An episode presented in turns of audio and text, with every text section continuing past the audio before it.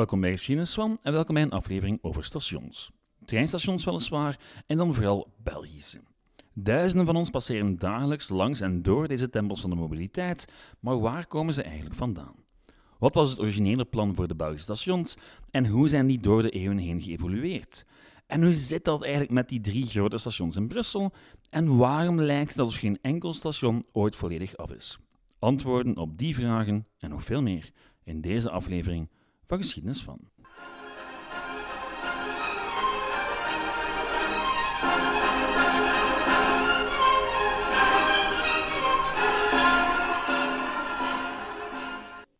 Waarom deze aflevering? Wel, uw dienaar pendelt voorlopig dagelijks tussen Gent en Brussel en doet dat met de trein. Met dank aan de vele vertragingen op het Belgische spoornet is er al veel tijd geweest voor overpeinzingen en dan durft de mens wel in zijn eigen omgeving in vraag stellen. In dit geval het concept treinstation. Misschien dat er vroeg of laat nog een aflevering komt over treinstations wereldwijd, maar deze aflevering beperken we ons nog tot België, want daar alleen al vullen we makkelijk een aflevering mee. Niet vreemd, want België was nu eenmaal het eerste land op het Europese continent dat een treinnetwerk aanlegde en bij gevolg beschikken we nog steeds voor enkele van de mooiste en oudste stations op het Europese continent. Tegelijkertijd is de geschiedenis van de treinstations er ook eentje van modernisering en continue verandering. Van het bouwen van grote tempels voor de vernieuwing, die dan wel een praktisch nut hadden, maar evengoed statements waren van de overheid, de industrie en de burgerij. Dat er nieuwe tijden waren aangebroken. Tot op zekere hoogte zijn die stations te vergelijken met de kathedraal van die vorige grote bloeiperiode in de geschiedenis der lage landen, de late middeleeuwen. Het verschil zijnde dat die kathedraal geen al te grote rol meer spelen in ons dagelijks leven. Stations daarentegen, wel, stations kunnen nooit enkel monumenten zijn. Om hun plaats in het midden van de stad te verantwoorden, moeten ze nuttig zijn en blijven. Wat ervoor zorgt dat er al heel wat stations gesneuveld zijn en er om de zoveel tijd grondig gesleuteld wordt aan zij die nog overeind staan. En dat gesleutel treft niet alleen de stations zelf, maar evengoed de wijken rondom. Of hoe het verhaal van de Belgische treinstations veel verder reikt dan enkel een gebouw, maar evengoed gelinkt kan worden aan toerisme, industrie, prostitutie en simpelweg de hele geschiedenis van de Belgische natiestaat. Al gaan we niet aan al die onderwerpen toekomen vandaag. Goed, genoeg inleiding. Beginnen doen we dit verhaal in 1835 en die fameuze eerste treinrit tussen Brussel en Mechelen. We vergeten soms hoe indrukwekkend het wel was dat België amper vijf jaar na zijn onafhankelijkheid al de eerste spoorweg aanlegde op het Europese continent. In Engeland waren de eerste echte treinstations voor treinen met locomotieven pas rond 1830 opgericht. Maar feit is dat de nood hoog was voor het onafhankelijke België. De industrie was volop aan het boomen, maar voor transport was men nog heel erg afhankelijk van de waterwegen.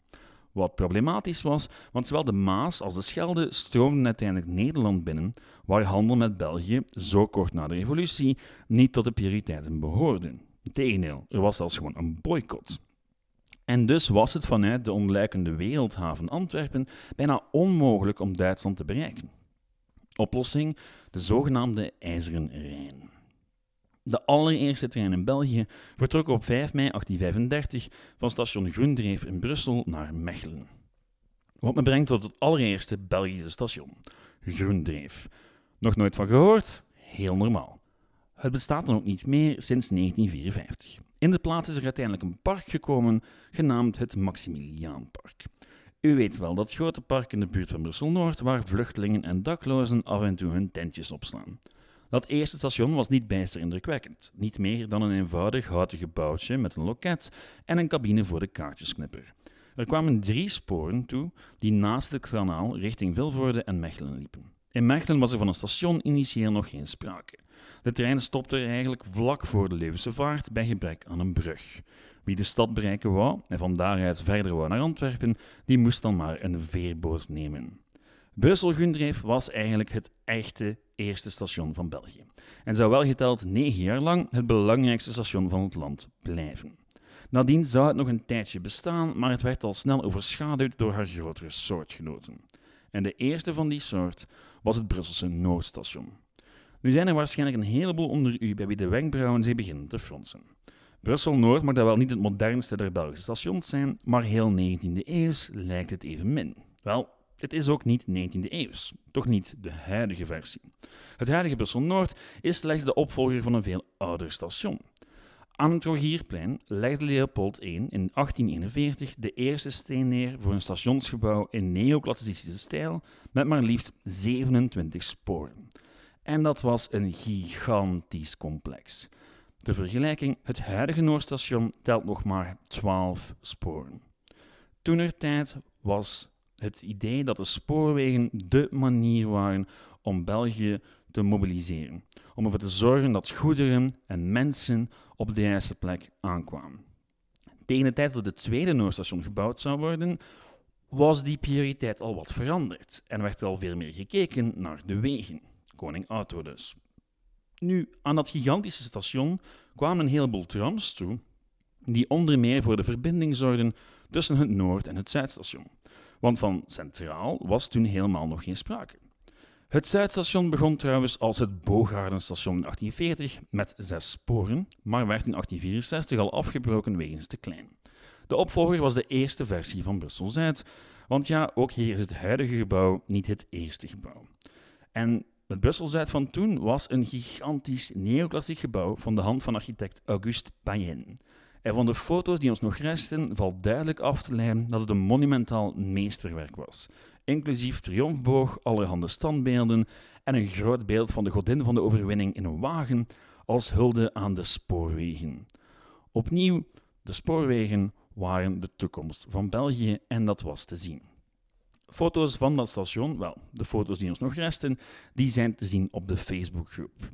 Wie ze bekijkt, komt al snel tot de conclusie dat het Noord- en Zuidstation van eind de 19e eeuw niet onder moest doen voor het Parijse Gare du Nord en Gare de Lyon of het Londense King's Cross of St. Pancras. Allemaal monumentale stations die er nog zijn. Wat ons dus tot de vraag brengt waarom er vandaag drie grote modernistische stations zijn in Brussel en niet twee neoclassicistische. Wel, het antwoord is de Noord-Zuidverbinding. Al van in het begin leek het maar al te logisch om Noord en Zuid met elkaar te verbinden. Dat gebeurde al in 1841 met een westelijke lijn die de ring en het kanaal volgde, maar ja, die spoorweg bleek te succesvol voor zijn eigen goed. De scheepvaart werd gehinderd en de veiligheid kon niet gegarandeerd worden. Gevolg, einde Noord-Zuidverbinding. In enkele jaren tijd was het treinverkeer echter haar infrastructuur al ontgroeid. En dat is echt een rode draad voor de ontwikkeling van de spoorwegen en de treinstations in België. Naarmate de economie zich steeds verder ontwikkelde, nam steeds meer volk de trein, waardoor steeds meer spoorwegen nodig waren. Tegelijkertijd boomden de steden door de toenemende bevolkingscijfers. Meer mensen betekent meer huizen en dus minder plaats voor de trein. Al rond 1850 barstte de discussie los over de toekomst van het treinnetwerk in Brussel. Alles onder de grond steken, met viaducten boven de stad, het zijn discussies die zich later zouden herhalen in de jaren 50 van de 19e eeuw, maar dan over het autoverkeer. Men had zoals in Parijs voor een ring van spoorwegen kunnen kiezen rond de stad, maar aan de tekentafel besloot men al snel dat het mogelijk moest zijn om tot in het centrum van de stad te rijden en om vanuit dat centrum een trein te nemen naar elk ander deel van het land. Wat helemaal niet kon voor de bouw van het Centraal Station. Noord en Zuid waren namelijk zogenaamde kopstations, zoals Antwerpen Centraal vandaag. Er rijden geen treinen door, ze stoppen er enkel om vervolgens rechtsomkeer te maken. Wie van Gent naar Luik wou, die moest dus afstappen naar Brussel-Zuid en de tram nemen naar Brussel-Noord. En met dat in het achterhoofd wordt wat volgt een pak verstaanbaarder. Want hoe logisch de beslissing van de Noord-Zuidverbinding achteraf gezien ook wel is, de kostprijs was niet van de poes. Financieel, natuurlijk, maar evengoed wat betreft de maatschappelijke kost. Die Noord-Zuidlijn die moest recht door de stad. Een stad vol historische gebouwen en volkswijken. De oude stations zouden er ook aan moeten geloven, want om door de heuvels te raken waar Brussel op gebouwd was, waren er verhoogde treinperrons nodig. En dat was simpelweg niet mogelijk in die oude tempels van de mobiliteit. En dus werd na veel gepalaver en protest in 1911 het werk aangevat. Al meer dan 60 jaar na de eerste gesprekken over de Noord-Zuidverbinding. De eerste volkswijken werden onteigend en gesloopt. En toen brak de Eerste Wereldoorlog uit. De werf viel stil en door de toenemende honger werd de al vrijgekomen grond ingenomen door volkstuintjes allerhande. Die bleven nog eventjes staan na de oorlog, want er was een heel spoornetwerk te heraanleggen. De werf die moest wachten. Het duurde tot 1936 vooraleer er weer gewerkt werd. Vanaf dan ging het werk weer vooruit, zij met een slakkengang tijdens en vlak na de Tweede Wereldoorlog. Vanaf 1949 ging het snel met de uitbraak van het oude Zuidstation en in 1950 gebeurde hetzelfde met het Noordstation. Op 4 oktober 1952 werd het nieuwe traject plechtig geopend door koning Boudewijn in het gloednieuwe Brussel Centraal. Op meer vlak dan één was dat een uniek station in de Belgische spoorweggeschiedenis. Het originele ontwerp is van de hand van Victor Horte. U weet wel, de architect van de Belgische Art Nouveau. Zijn originele plannen zien er nog steeds prachtig uit, al valt wel al snel op dat ze niet tot in het kleinste detail tot uitvoering zijn gebracht. Daar hadden zowel geldgebrek, het vroegtijdig overlijden van Horta in 1947 en hun Brusselse relief alles mee te maken. We vergeten het soms, maar Brussel is gebouwd op een pak heuvels. Dat maakt het veel moeilijker om iets plats aan te leggen als een treinspoor. Met slechts zes sporen is Centraal het kleinere broertje van de grote drie Brusselse stations. Maar toch rijdt zowat elke trein die België doorkruist erdoor. Het relief heeft er meer voor gezorgd dat de sporen in Centraal in een ja, vreemde bocht liggen. Dat heeft meegeleid tot het ontstaan van de job van perronopzichter, iets wat je eigenlijk in geen enkel ander station in België hebt. Een conteur kan namelijk op de drukke perrons van Brussel Centraal met die bocht maar moeilijk een goed overzicht krijgen van de stand van de deuren. Of waarom er daar dus jongens met lampen rondlopen om dat te signaleren. Een laatste opmerkelijk detail aan Brussel Centraal is dat van het Koninklijk Salon. Die was bedoeld als een exclusieve wachtruimte voor de koning, mocht hij ooit de trein willen nemen. De ruimte bestaat nog steeds, maar is sinds de opening van het Centraal Station nooit meer gebruikt door de koning zelf. Brussel-Noord had ooit een eigen koninklijk salon, maar die werd per ongeluk gesloopt tijdens renovaties. Wat me tot het volgende thema brengt: renovaties. Want de stations zoals die in de tijd werden opgeleverd bij de opening van de Noord-Zuidverbinding in 1952, wel, die bestaan ook al lang niet meer. Brussel-Noord maakt tegenwoordig deel uit van een veel groter complex, waardoor de originele architectuur van 52 verloren gegaan is in de toevoegingen van de jaren 70 en 90. En die toevoegingen die worden op het eigenste moment gerenoveerd, of hoe ook zij er weer anders zullen uitzien. Er bestaat niet zoiets als Brussel-Noord. Brussel-Noord is ja, een lopende zaak die blijft evolueren. Brussel-Zuid werd dan weer in de loop van de jaren 90 getransformeerd om ruimte te bieden voor de internationale lijn. Brussel Centraal is nog min of meer in dezelfde staat als toen ze gebouwd werd, maar er wordt heel veel gediscussieerd over aanpassingen naar de toekomst toe. En dat is dan alleen nog maar Brussel. Um, daar was zoveel over te vertellen dat er nog amper tijd over is voor iets anders. Maar het verhaal van de Brusselse stations is tenslotte wel redelijk exemplarisch voor de rest van het land. Anders dan met zoveel andere monumenten is het verhaal van een treinstation nooit af. Al is het verhaal van een oud treinstation wel anders. In Brussel staan de neoclassicistische transporttempels bijvoorbeeld niet langer recht. In de tweede stad van het land, Antwerpen, natuurlijk wel. Want natuurlijk moeten we nog even de tijd nemen voor Antwerpen Centraal. Door sommigen, en in de eerste plaats Antwerpenaren zelf natuurlijk, het mooiste station ter wereld genoemd. Ook hier kan je van een gelaagde geschiedenis spreken. Het hele verhaal begint net als in Brussel met een bescheiden houten constructie aan de rand van de stad. In 1854 kwam er een nieuw station dat er na minder dan 50 jaar dienst al aan moest geloven. Antwerpen had zich te snel uitgebreid en de nood aan een moderner station was hoog. Het resultaat is, naar mijn mening, het meest indrukwekkende station in België en ja, misschien wel Europa.